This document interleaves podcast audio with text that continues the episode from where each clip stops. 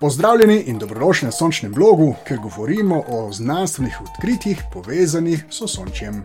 Marca letos so bili v prestižni reviji Science objavljeni rezultati študije, ki so pokazali, da na Veneri obstaja vsaj en delujoč ognjenik. Tako je ta planet postal šele tretje telo v sončju, za katero vemo, da se na njih nahajajo aktivni ognjeniki. Poleg Zemlje, tisti pravi ognjeniki, ki bruhajo staljene kamnine, obstajajo le še na Jupitru, Luni Io. Znanstveniki so na obstoj delujočih ognjenikov na Veneri sumili že desetletja, vendar smo dokončne dokaze pridobili šele pred nekaj tedni. Avtorja nedavne študije sta se, presenetljivo, poslužila 30 let starih posnetkov, ki jih je v začetku 90-ih let prejšnjega stoletja naredila ameriška sonda Magellan. Sončni blok. Venero se v literaturi pogosto opisuje kot zemljino dvojčico, pri čemer gre zasluga za to pomenovanje predvsem dejstvu, da sta oba planeta podobne velikosti. Pogled od blizu pa kaže, da primerjava ne bi mogla biti bolj zgrešena. Venerino površje je verjetno še najbolj podobno biblijskemu peklu, saj je podvrženo neverjetnim 460 stopinjem Celzija, kar je temperatura, pri kateri je svinec že davno tekočinjen. Zračni tlak na površju tega planeta je enak tistemu, ki na Zemlji vlada 90 metrov pod morsko globino, ozračje pa je prežeto s strupenim smogom iz žveplene kisline. Tako Venera ni planet, za katerega bi upali, da bi na njem lahko obstajalo življenje. Je pa nedavna raziskava potrdila, da Venera ni popolnoma mrtev svet, ampak da je geološko še kako aktiven. Razlog, da smo šele danes dokazali obstoj delujočih ognjenikov na tem planetu, pa je ta, da Venero obdaja gost atmosfera, kar močno otežuje neposredno opazovanje njenega površja.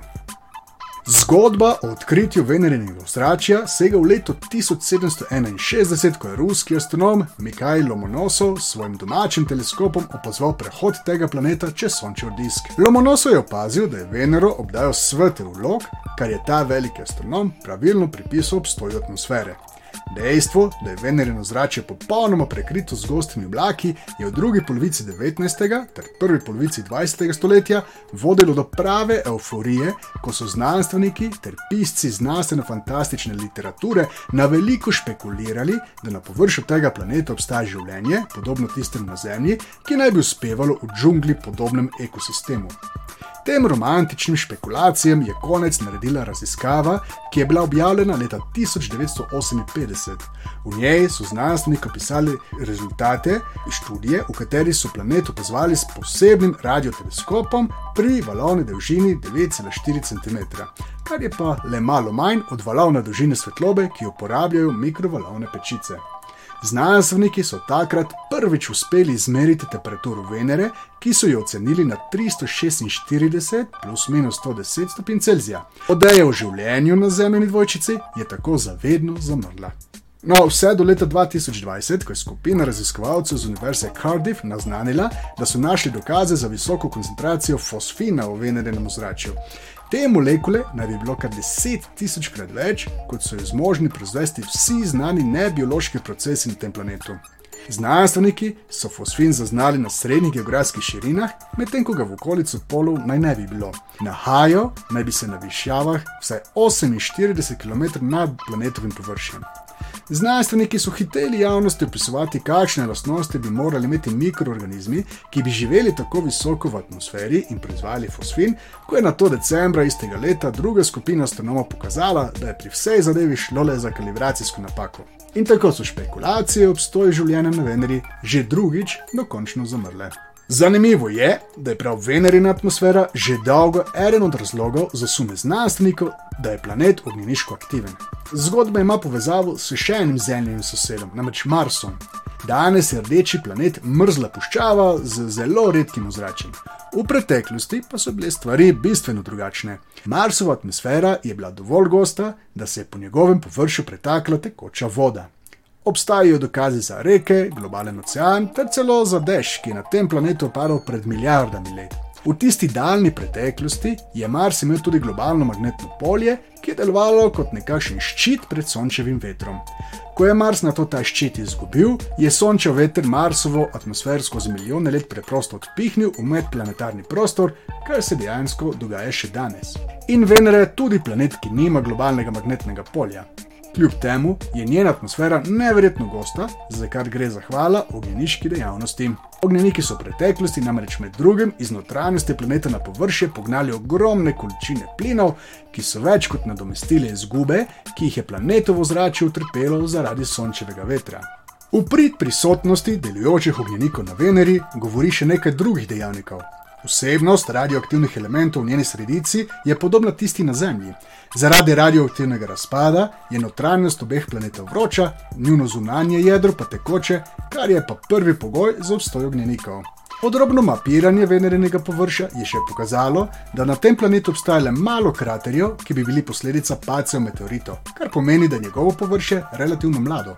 Veliko preostalih kraterjev daje vtis, da so njihovo podobo spremenili ognjeniški procesi, kar bi lahko pomenilo, da je povprečna starost venerinega površja le nekaj deset milijonov let, kar je toliko, kot je starost zemljine oceanske skorje. Skozi desetletja je Venero obiskalo veliko vesoljskih misij. Sovjetske sonde Venera 11, 12, 13 in 14 so nam pred 40 leti poslale prve panoramske posnetke tega planeta. Ameriška misija Magellan pa je med leti 1990 in 1994 s pomočjo posebnega radarja izdelala zemlji Venere, sicer dokaj nizko prostorsko ločljivostjo, med 100 in 300 metri.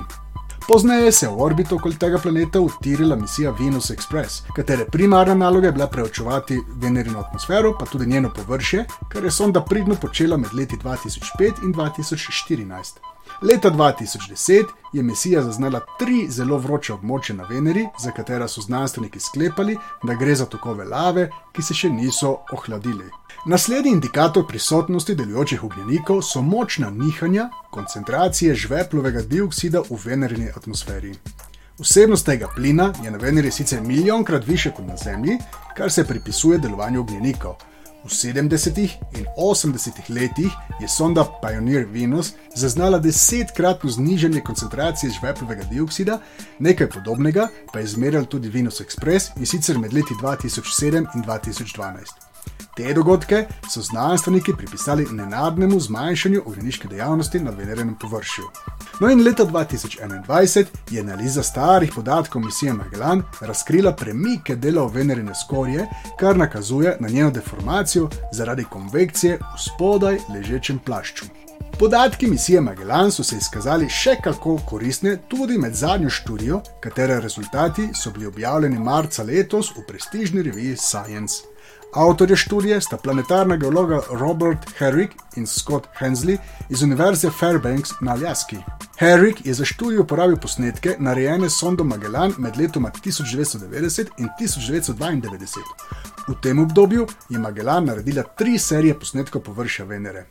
Tako je bilo med tem obdobjem kar 42 odstotkov površja planeta posnetega dvakrat, 8 odstotkov pa celo trikrat.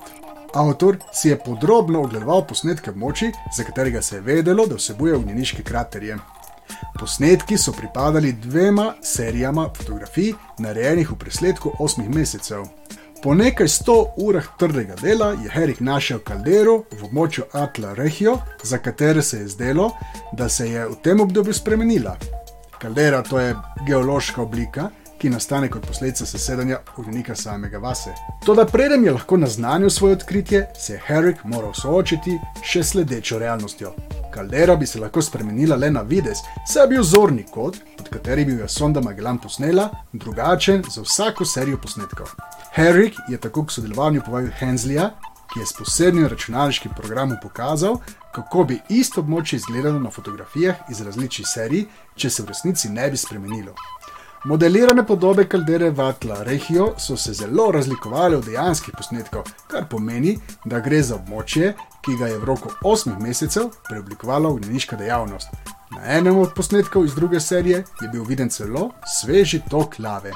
Dejstvo, da je na Veneri tako težko najti delujoče ognjenike, kaže na to, da je ta planet ognjeniško veliko manj aktiven kot Jupiterova Luna Io, kjer je bilo do sedaj zaznanih približno 100 ognjeniško dejavnih območij ognjenikih na Veneri bomo v bodoče še veliko slišali, saj bodo ta planet v prihodnjem desetletju obiskali kar tri vesoljske misije.